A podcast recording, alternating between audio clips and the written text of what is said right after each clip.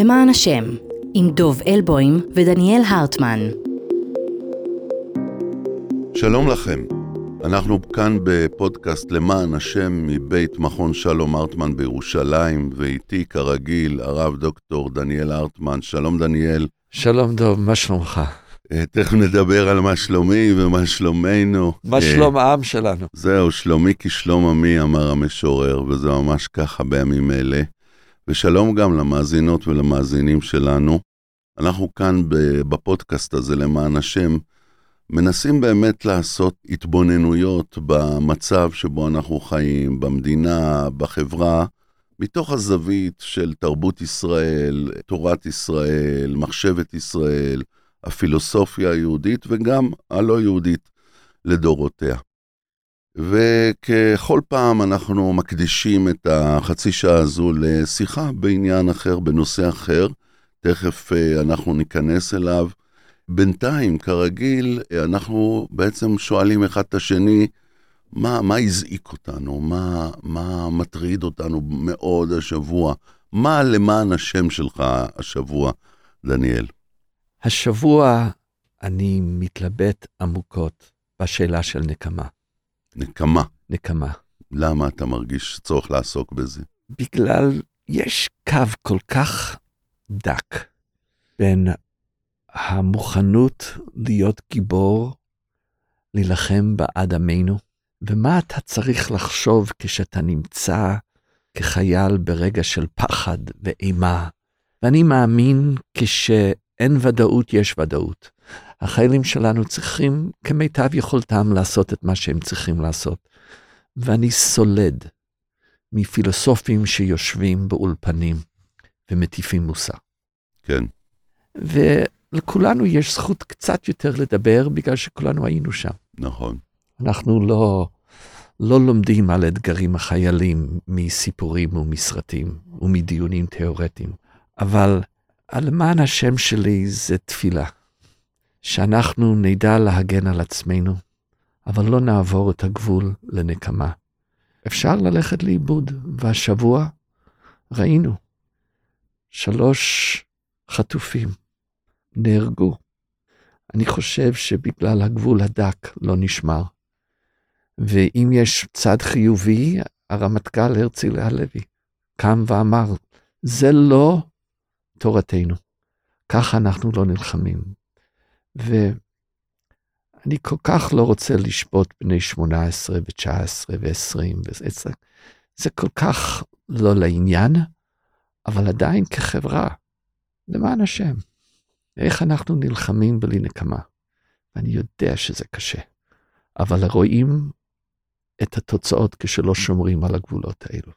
כן, כן. מה, מה, מה מזעיק אותך או מטריד אותך השבוע?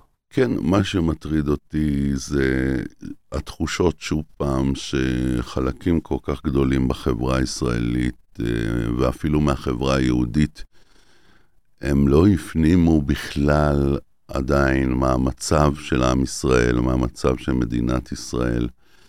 ראיתי שני רבנים, המנהיגים הבכירים ביותר של החברה החרדית הליטאית, שבא מישהו לשאול אותם האם לא ראוי שבחורי ישיבה ילכו לבקר פצועים של צה"ל, או אפילו ללוויות של חללי צה"ל, ושני רבנים הכי בכירים בעולם התורה הליטאי אומרים, מה פתאום, חס וחלילה, חס ושלום, זה יגרום להם לביטול תורה.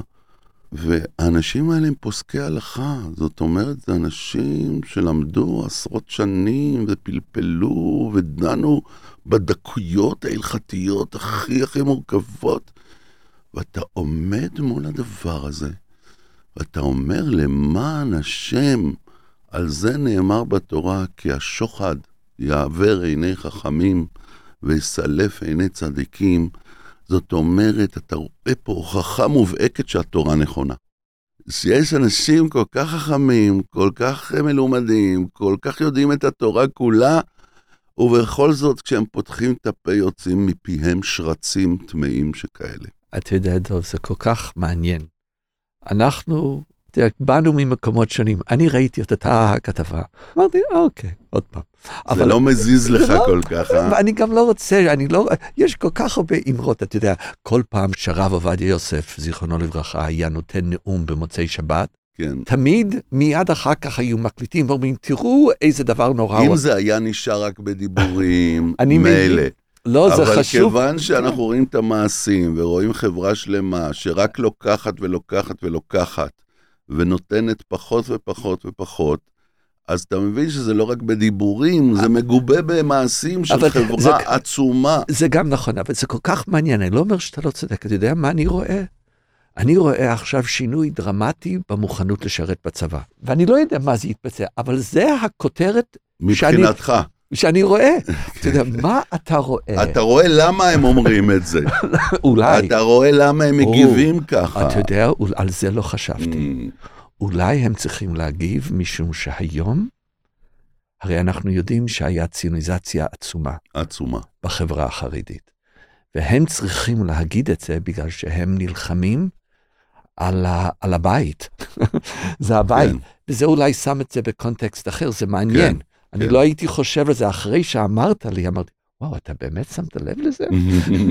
אבל עכשיו אני גם מבין, זה מאוד מאוד מעניין ושווה לחשוב על זה. כן, ויש הרבה מה לדבר, ואולי גם נדבר על זה אה, בתוכנית שלנו היום, כי כאמור, אנחנו מקדישים אה, את התוכנית לנושא מסוים, והנושא שלנו היום זה מה העתיד שלנו עם עצמנו. זאת אומרת, אה, דיברנו על תמונת העתיד, על תקווה, דיברנו על הקו הזה שצריך לשרטט אה, בנוגע ליחס עם הפלסטינאים, עם עזה, עם יהודה ושומרון.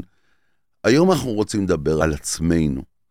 כי אתה יודע, דניאל, כשאני מסתכל על המצב שלנו, אני ישר חוזר לי הימים של מצור על ירושלים, החורבן הגדול של בית שני, וכפי שאנחנו קוראים אה, אצל יוסף בן מתתיהו, או אפילו רואים בסרט היפה, אגדת חורבן שיצא לאור לאחרונה, אנחנו בעצם רואים חברה יהודית, מגוונת, מאוד מאוד, אה, חבר... קבוצות שונות, בירושלים הנצורה, הרומאים מכתרים אותה מסביב, והם עדיין עסוקים בלריב. עדיין הם רבים ואין יכולת להגיע להסכמה, גם כאשר הסכנה מרחפת מול העיניים שלהם. ואני שואל את עצמי, מה יהיה פה? אני לא יודע, בשש אחרי המלחמה, בארבע אחרי צהריים אחרי המלחמה, ביום שיוחלט שיסתיים הפרק הזה. מה אנחנו עושים עם עצמנו? הרי יש בתוכנו עמדות כל כך קיצוניות לכל הכיוונים. היינו ערב המלחמה בכמעט מלחמת אחים. עכשיו נכון, המלחמה הזו קירבה ואיחדה הרבה מאוד קבוצות. למשל, הקבוצה של הציונות הדתית, אנשים כיפות סרוגות מכל הסוגים, הולכים למלחמה יחד עם חבריהם, החילונים, המסורתיים, הדרוזים, הלא יהודים מכל מיני סוגים, באיזו אחווה, באיזו שותפות גורל. ואנחנו מקווים שהם יחזרו גם עם השותפות והאחווה הזו אחרי המלחמה.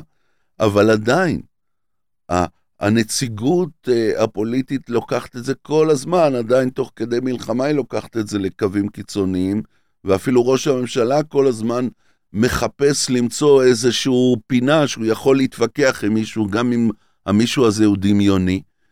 זאת אומרת, אווירת הפילוג היא נמצאת פה, היא מפעפעת גם על ידי המנהיגות, וככל שיגיע עידן של בחירות או זמן של אה, אה, ריסטארט של המדינה, הדברים האלה רק יתגברו. ומה אנחנו עושים עם זה? מה אתה אומר, דניאל? אחד, אני לא מאמין ביכולתה של מלחמה ליצור אחדות לאורך זמן. אתה לא מאמין שזה זה גורם לאחדות, זה רק פלסטר על, על. השסעים. זה כמו אבל. בתקופת שבעה, המשפחה לא רבה. אף אחד לא... לא אצל כולם, לא זה אצל- נכון. זה גם נכון. אבל בדרך כלל, המריבות בחתונות הן יותר גרועות מהמריבות ב... באבל. למה הושבת אותי פה ולא שם? ואני לא, אני לא מאמין ביכולתה של אבל ליצור משפחה מאוחדת. ואני גם חושב שזה לא נכון. משום שהשאלה שלנו היא לא איך אנחנו עומדים מתחת לאלונקה בשעת מלחמה, אלא איזה אלונקה אנחנו רוצים לשאת בחיי היום-יום שלנו. וזה בעצם הוויכוח. ואולי דרך לה, להציג את זה, זה לא קשור לדעתי לפוליטיקאים, זה משהו הרבה יותר עמוק. אתה צודק שהם הם מכוונים אותנו לשיח מסוים. אני חושב שבמשך עשרה חודשים, עד השישי לאוקטובר, החברה הישראלית עברה שינוי מדהים. מדהים שהביא לתוכה לא את כל עם ישראל. אין כזה דבר שכולם מסכימים, אבל היא הביאה 70 אחוז מהחברה הישראלית לשאול איזה עם אני רוצה להיות, איזה מדינה אני רוצה להיות חלק ממנו.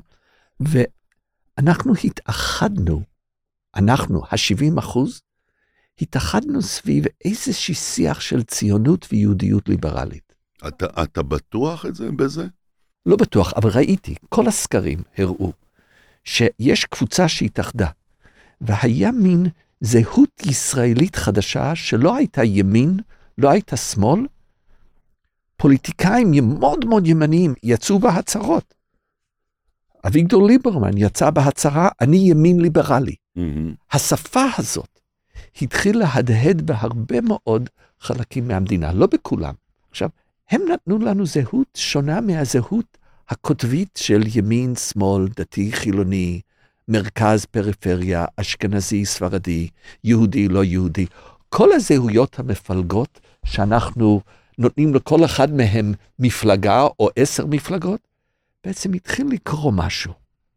והדבר הזה הוא דבר שאנחנו צריכים לחשוב עליו היום, איך אנחנו חוזרים אליו. הרי עזה הוא מלחמת קיום, אבל הוא לא מהות הקיום שלנו, הוא לא התוכן של הקיום שלנו. אנחנו צריכים להילחם על קיומנו, אבל להילחם על קיומנו הוא לא מהות החיים שלנו, הוא חלק מהחיים שלנו. אבל עכשיו יש שאלות מאוד מאוד מורכבות, איך אתה חוזר לזה אחרי מלחמה? אחרי מלחמה שבו הפחד ושאלות קיומיות זה מה שמטריד אותי. כי, כי אני מסכים איתך שהציבור, המרכז, ה-70 אחוז, יכול איכשהו אה, להתכנס תחת יהדות ציונית ליברלית. אבל יש אופציה אחרת, שאחרי המלחמה, בגלל הפחד, בגלל הטראומה, בגלל האבל הגדול, בגלל תחושת חוסר הביטחון, בגלל ההבנה שכל כך הרבה מסביבנו רוצים באמת לזרוק אותנו לים, אם לא יותר גרוע מזה, יש אפשרות שהגג של ה-70 אחוז הזה לא יהיה יהדות ציונית ליברלית, אלא יהיה יהדות ציונית מאוד מאוד נוקשה, חסרת אמון כלפי אומות העולם, בוודאי חסרת אמון כלפי ערבים ופלסטינאים בפרט, ובעצם נקבל אולי יהדות ליברלית לעצמנו, אבל כלפי חוץ זה יהיה ממש לא ליברלי. כי הדברים לא, לא מסתדרים. האם אתה יכול להיות ליברלי בבית, ושפה במדינת ישראל יהיה בג"ץ, ויהיה שוויון, ויהיה פמיניזם, ויהיה לוחמות בטנקים, וכל הדברים המדהימים האלה, וברגע שאתה עובר איזשהו גבול שהוא דמיוני, כי הרי הגבולות שלנו פה בארץ הם, הם לא קיימים באמת, בחלק מהזירות, אז פתאום נגמר הגבול הזה של הליברליות, ונכנסים בערבים עם כל הכוח, ובלי בג"ץ ובלי בצלם. יש פה איזו סתירה מהותית. נכון. ועוד לא דיברנו על בעיות אחרות, תכף נדבר עליהן. אני מסכים איתך. האתגר הכי גדול של זכויות אדם היום, בשונה מבתקופות ההפגנה. בשנה שעברה אנחנו חשבנו שהאיום על, על דמוקרטיה זה הפרדת רשויות. היום, אחרי המלחמה, האיום על דמוקרטיה יהיה פחד. נכון, הפחד. וזה האיום האמיתי, וזה העמוק האיום, ביותר. העמוק ביותר, זה לא איזה משהו פורמליסטי. הוא קיומי, הישרדותי. נכון, איך, איך יהיו החיילים שיצאו מעזה? אני שואל אותך, אותך על עצמי, אני מרגיש חוסר אמון מוחלט. אתה יודע מה? זה יהיה האתגר שלנו. האתגר... היה לי אפילו שיחה לפני שנכנסתי פה לא, לאולפן ביחד איתך עם אחד מחברי מרכז קוגות פה במכון ארדמן. הוא אומר לי, אנחנו העמדנו את כל הליברליות שלנו על זה שהאדם, כל אדם נברא בצלם אלוהים. אבל הוא אומר לי, תסלח לי, החיות האלה מהחמאס, מהשביעי לאוקטובר, הם לא צלם אלוהים. לא כולם מימשו את הפוטנציאל של להיות בצלם אלוהים, ולכן אני גם לא חייב להתייחס אליהם כצלם אלוהים. אחד האתגרים הגדולים שלנו, אנחנו יודעים את זה, ולכן אנחנו רוצים לדבר על זה היום. הוא, אנחנו יודעים את היצר הרע הזה. אבל הש... למה זה יצר הרע, דניאל? משום שזה יצר הרע כשאתה לא מבחין בין מישהו שרוצה להרוג אותך, למישהו שהוא באותו קבוצה אתנית פוליטית עם מישהו שרוצה להרוג אותך. יש הבדל בין מאוד גדול בין רצון להילחם כנגד חמאס לבין מישהו שלא מבחין בין חמאס לבין ישראלי ערבי פלסטיני, או גם עזתי. שלא עשה מהומה. של... גם אפילו אם אתה מצדד, הרי גם מה זה לצדד? זה כל כך הרבה יותר מורכב, או אתה, אנחנו היום עכשיו גם בודקים איך, איזה גינוי אתה היה לך. זה כל כך קל. האתגר של דמוקרטיה, ושוב, אנחנו כשמדברים על ה... אנחנו היום מתמקדים עם על עצמנו, אני לא מדבר היום על פלסטינים ביהודה ושומרון ועל עזתים. אנחנו מדברים על דמוקרטיה ליברלית בארץ שמאמינה בזכויות אדם, מאמינה בפלורליזם, מאמינה בערך חיי אדם, מאמינה שכל אדם ניחן בזכויות יסוד, מאמינה בחופש דת, בשוויון מגדרי. אבל זה יוצר כל הזמן סתירות מיני ובי, כשאתה בעצם נלחם עם הרבה מאוד אויבים בהרבה מאוד זירות, שחלק גדול מהם לא מתנהג לפי שום כלל דמוקרטי-ליברלי, אז בעצם אנחנו נמצאים פה בסתירה עמוקה. נכון. ואז אני מגיע לסתירה העמוקה בתוכנו. אתה יודע, אחד ה... אנחנו מדברים מה הגג שיחזיק אותנו. אחד הגגות שחשבתי שיכול להחזיק אותנו בארבע אחרי המלחמה, זה גג כזה. מה אתה נותן למדינה? זאת אומרת, הגג הזה יחזיק את כל מי שתורם למדינה, באמת. לא בלימוד תורה, לא בכל מיני דברים מהסוג הזה. מי שתורם מזמנו, מחייו, מהונו, שולח את ילדיו לתרום למדינה, משלם מיסים, זה מי שתורם למדינה. ואנחנו, ואז מה? ואלו האנשים שהם בעצם, יש להם זכות הדיבור פה במדינה. זאת אומרת, להפסיק עם הליברליות הזו, שלכל אחד יש זכויות באשר הוא אדם. אבל למה זה תוצר של המלחמה? למה? איך כי... המלחמה הביאה אותך כי לזה? כי מה שקורה פה כרגע במערכת החברתית הפוליטית בארץ, זה שיותר מדי אנשים וקבוצות בחברה הישראלית, היהודית בעיקר, שלא תורמים כמעט דבר אמיתי למדינה, מחליטים את ההחלטות הגורליות ביותר עבור אלה שוב, שתורמים ונותנים. דוב, אני, פה אני ואתה נפרדים קצת כן. בגלל העבר שלנו. אני לא אומר mm. שאתה לא צודק, אבל אני לא יושב יום-יום עם המועקה של החברה החרדית והיכולת שלהם להשפיע ולעצב את חיי היום-יום שלנו. אני, זה חלק מהסיפור. זה לא כל הסיפור. למה? הם, הם חלק מהסיבה לא, שנכנסנו לצרה הזו. אבל אני מסכים. אבל השאלה הגדולה שלנו, בנוגע לעתיד המדינה שלנו, הוא זכויות אדם לא מקבל אותם בגלל איזה מדד של תרומתו. אתה מקבל אותו בזכות היותך אזרח. בזכות היותך אזרח ובזכות היותך אדם. והשאלות הכי מהותיות אחרי המלחמה הוא איך אנחנו חוזרים לשיח האנושי הזה. הבעיה במלחמה הוא הופך אותנו לפחות אנושיים. הוא הופך אותנו ליותר חייתיים, חייתיים. הישרדותיים. הישר... וזה טבעי. עכשיו יבוא יום והמלחמה תסתיים.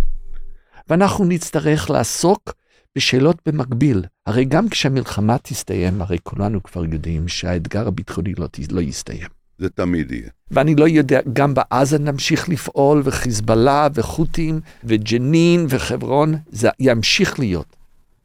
הבעיה שלנו הוא איך להיות מדינה ליברלית במזרח התיכון. איך אנחנו יכולים לחיות במזרח התיכון, ולא ללכת בעקבות תרבות מזרח תיכונית. ברגע שאתה נלחם, אתה שוקע לאיזשהו מקום הכרחי. הכרחי כדי להתקיים פה. אתה צריך להילחם על זכותך. אבל יבוא עוד מעט. יבוא יום שנצטרך לשאול את עצמנו, אוקיי, אז מה הלאה? אז מה אנחנו רוצים בנושאי דת ומדינה? מה אנחנו רוצים בזכויות להט"בים? מה בנוגע? האם אנחנו רוצים שנשים תוכלנה לשיר או לא לשיר? ופה יהיה לך מחלוקת עזה, ויהיה מאוד מאוד קשה ליישב אותה, בין השאר, בגלל מה שאני אומר, ולכן אני חוזר ומדבר על זה. אני מרגיש שהבעיה שלנו, בעיית העומק שלנו, שיש קבוצות לא דמוקרטיות, שהשתלטו על הדמוקרטיה בצורות הידועות כבר מההיסטוריה, והן בעצם מחריבות את היכולת שלנו באמת להיות חברה דמוקרטית. זה מעניין, אני לא מאמין. שים לב למשל לכל הסקרים, סליחה שאני קוטע אותך. בכל השבועות האלה של המלחמה עיינתי טוב בסקרים. בכל המפלגות יש מצביעים שנודדים מכאן לכאן, ופחות ויותר. ציונות דתית עברה שינויים גדולים בסקרים, אפילו עוצמה יהודית. היחידים שלא התחולל אצלם שום שינוי באלקטורט זה ש"ס, יהדות התורה, אגודת ישראל. טוב. למה? טוב, למה? כי אין רוצ... שם דמוקרטיה. טוב, אני רוצה להגיד לך, עזוב, עזוב, זה לא הבעיה שלנו. אז מה הבעיה? אנחנו החרדים הם לא הבעיה שלנו, וזה מאוד קל להצביע עליהם כבעיה שלנו. הם לא הבעיה שלנו. אתה, נות... אנחנו אשמים, בגלל שאנחנו לא מוכנים להילחם על הזכות האישית שלנו לחופש דתי, ואז אנחנו מאשימים אותם. אנחנו קונים קבוצה כדי שהקואליציה שלנו תהיה יציבה, ואז מאשימים אותם. אני רוצה להפסיק את כל השיח הזה, הוא פשוט לדעתי הוא לא מרכזי. הוא לא העניין המרכזי. אם הציבור, הרוב הישראלי יקום ויגיד די, אני כן, אני מוכן לעשות א', ב', ג', אבל ה', ו', ז', אני לא מוכן, אז יהיה שיח אחר, מה קורה? אנחנו מתלוננים. אחרי המלחמה, החרדים לדעתי הם הבעיה הכי קטנה שלנו. אתה יודע מה הבעיה הכי גדולה תהיה? מה? הבעיה הכי גדולה שלנו תהיה אחדות. תהיה ממשלת חירום לאומית, ובממשלת חירום לאומית אנחנו רק נרצה לדבר על קונצנזוס. ומה יהיה קונסנזוס? לבנות מחדש את עוטף עזה, לשקם את הכלכלה, להילחם כנגד חמאס. אבל כל מה שקרה בשנה שעברה, שבו אנחנו התחלנו להבין שעתיד המדינה לא רק תלוי בגבולותיה, אלא תלוי במה שקורה בתוך המדינה, כל הדבר הזה בממשלת החירום הלאומית ייעלם, משום שכל דבר שיביא להסכמה זה לשיחה של מחר. מחר, לא היום. מחר, מחר, מחר. זה הסיבה שרציתי לדבר על הנושא הזה היום איתך. אנחנו חייבים לדבר היום על מחר, כדי שמחר, כשהוא יקרה, נהיה מוכנים לשיח אחר. אחרת נהיה בתרדמת. כן, אבל אתה יודע, אני כל הזמן חוזר על זה, לשאלה, מהי כותרת הגג ש, שסביבה נתכנס? בשיחות האלה על האחדות ועל מה צריך להיות. בדיוק מה שאמרתי קודם. אז... אני מפחד מאחדות. אני רוצה רוב של 70 אחוז מהחברה, שיש מהליכוד ומהציונות הדתית ומהפריפריה ואשכנזים וספרדים ושמאל וימין, קבוצה שאומרת לא קטגוריה של אם אתה תורם אתה מקבל. אלא מה? מי שאומר אני רוצה מדינה יהודית דמוקרטית. אבל ההגדרות שלך, שלו ושלך ליהודית דמוקרטית, מי? של הן מי? שונות מאוד. מי לא מסכים איתי? הרבה בנט? הרבה מאוד אנשים דתיים, מי? אוקיי, שלא לא. לא בדיוק ב, בסיפור אבל לא הפלורליסטי הם. כמוך. אבל מי? אני לא צריך את כולם. בנט, חצי או שליש מהציונות הדתית נמצא שם. כל, כל המרכז נמצא שם. חצי מהימין לפחות נמצא שם. רוב השמאל נמצא אז שם. אתה רוצה בעצם לא אחדות, אלא ממשלת מרכז-שמאל, לא, שתקבל לא. החלטות אמיצות למען לא, המדינה. בכלל לא. זה ממשלת ימין, מרכז ושמאל, שיהיו בו כ-70, 75 מנדטים. אבל זה צריך להתחיל מתוך שיח בתוך החברה. איך אתה רואה את השיח הזה קורה? אנחנו עכשיו מתחילים אותו היום. כן, הלוואי, כן, אני רואה עוד הרבה בעיות עם, ה, עם השיח הזה, אבל שאלה אחרונה לסיום, דניאל. אני לא יודע מתי יהיו בחירות, האם ביבי יתפטר, לא יתפטר, איך זה יהיה, אף אחד מאיתנו לא יודע להגיד על זה אה, שום דבר חכם. אבל בעצם אה, אה, השאלה הגדולה היא, האם נחכה לבחירות, יהיו מפלגות חדשות ואז השיח יתעורר, או שאנחנו, בתוך החברה האזרחית, בעצמנו חייבים בעצמנו לארגן שיחות כאלה כדי שיזמנו את השיחה הגדולה הזו שתבוא אחר. זה מה שלמדנו בשנה שעברה. מי הוביל? מי הוביל את כל השינוי החברתי? לא המפלגות. אנשים למטה. אנשים למטה. עכשיו, הקבוצה הזאת נמצאת. אנחנו עם שלקח אחריות על האזרחות שלנו. אחרי המלחמה, אתה מתחיל להסתכל שוב על הגורמים הפוליטיים שיצילו. לא, אנחנו צריכים להחזיר את זה. להחזיר צריך... את הכוח לאנשים עצמם. אנחנו צריכים לדבר, ואני חושב שיש קבוצה מאוד גדולה, שזה יהיה אתגר להביא אותם בחזרה לשיח יהודי דמוקרטי, משום שכולם יגיד, או, oh, אני מסכים איתך לחלוטין, רק מחר. היום בוא נתאחד, היום בוא נדבר על דבר שמפריד בינינו. לא, אני רוצה שנחשוב, נעזוב אחדות טוטאלית. אלא נלך עם האנשים שאומרים, נכון, מדינת ישראל היא מדינה יהודית דמוקרטית. מה המשמעות שלו? בוא נדון, בוא נתווכח, בוא נחשוב על חקיקה, בוא נחשוב על יוזמות חברתיות. זה השיח שאנחנו צריכים. ואנחנו צריכים להתחיל לחשוב עליו היום, באמצע המלחמה, בדיוק כמו שאני יודע שהממשלה עכשיו עוסקת במחר בעזה. אם אתה לא עוסק בזה היום, אתה לא תהיה מוכן. בהחלט. ואז כוחות אחרים ישתלטו, כוחות ימין לאומניות ישתלטו, כוחות פוליטיים ישתלטו. מיד זה יהיה שאלות של קואליציה. מה מעניין אותי אם גדעון סער רוצה לרוץ עם גנץ או לא? מה זה מעניין? זה לא מעניין. זה מעניין אותם, וזה כל אחד מהם מתחיל לעשות את החשבון. הנה, כמה, אני ראיתי סקר. כן. כמה מנדטים, כך? כמה מנדטים צפים היום בימין שלא הולכים לליכוד. בחייך, אוקיי, פוליטיקאים צריכים לדון בשאלות האלו. אבל שאנחנו כחברה נאמין שאלו שאלות היסוד, שאלת היסוד הוא הזהות שלנו. לא. אנחנו נלחמנו בגלל שאכפת לנו מזהות יהודית. לא נלחמנו כדי שאנחנו נוכל, תמשיך רק להתמקד בשאלות של מלחמה. אבל אולי משהו בסגנון בהחלט ישתנה. נכון. זה חשוב. הוא ישתנה. ולדוגמה, אני לא יודע אם השפה של ליברלי הוא פסיכולוגית מתאים. לכן יכול להיות שהשפה של יהודי דמוקרטי יהיה יותר מתאים. אני לא יודע. האנשים, גם נצטרך לתת לאנשים זמן. נצטרך מקום לפחד ולכאב, לצורך של ביטחון. אסור לנו רק לדבר על הזכויות של אחרים, אנחנו צריכים לדבר על הזכויות הגנה שלנו. צריכים לדבר אחרת, זה נכון, אבל צריכים להתחיל לדבר. טוב, יש לנו התחלה אה, כתוצאה מהבירור הזה, זה גם משהו. תודה רבה לך, דניאל הרטמן. טוב, תודה רבה לך. כרגיל, היה לעונג. תודה רבה גם לכם, מאזינות מאזינים יקרים. אני מקווה שתשמעו אותנו בכל הפלטפורמות האפשריות ותמשיכו להאזין לנו גם בפרקים הבאים מדי שבוע, למען השם.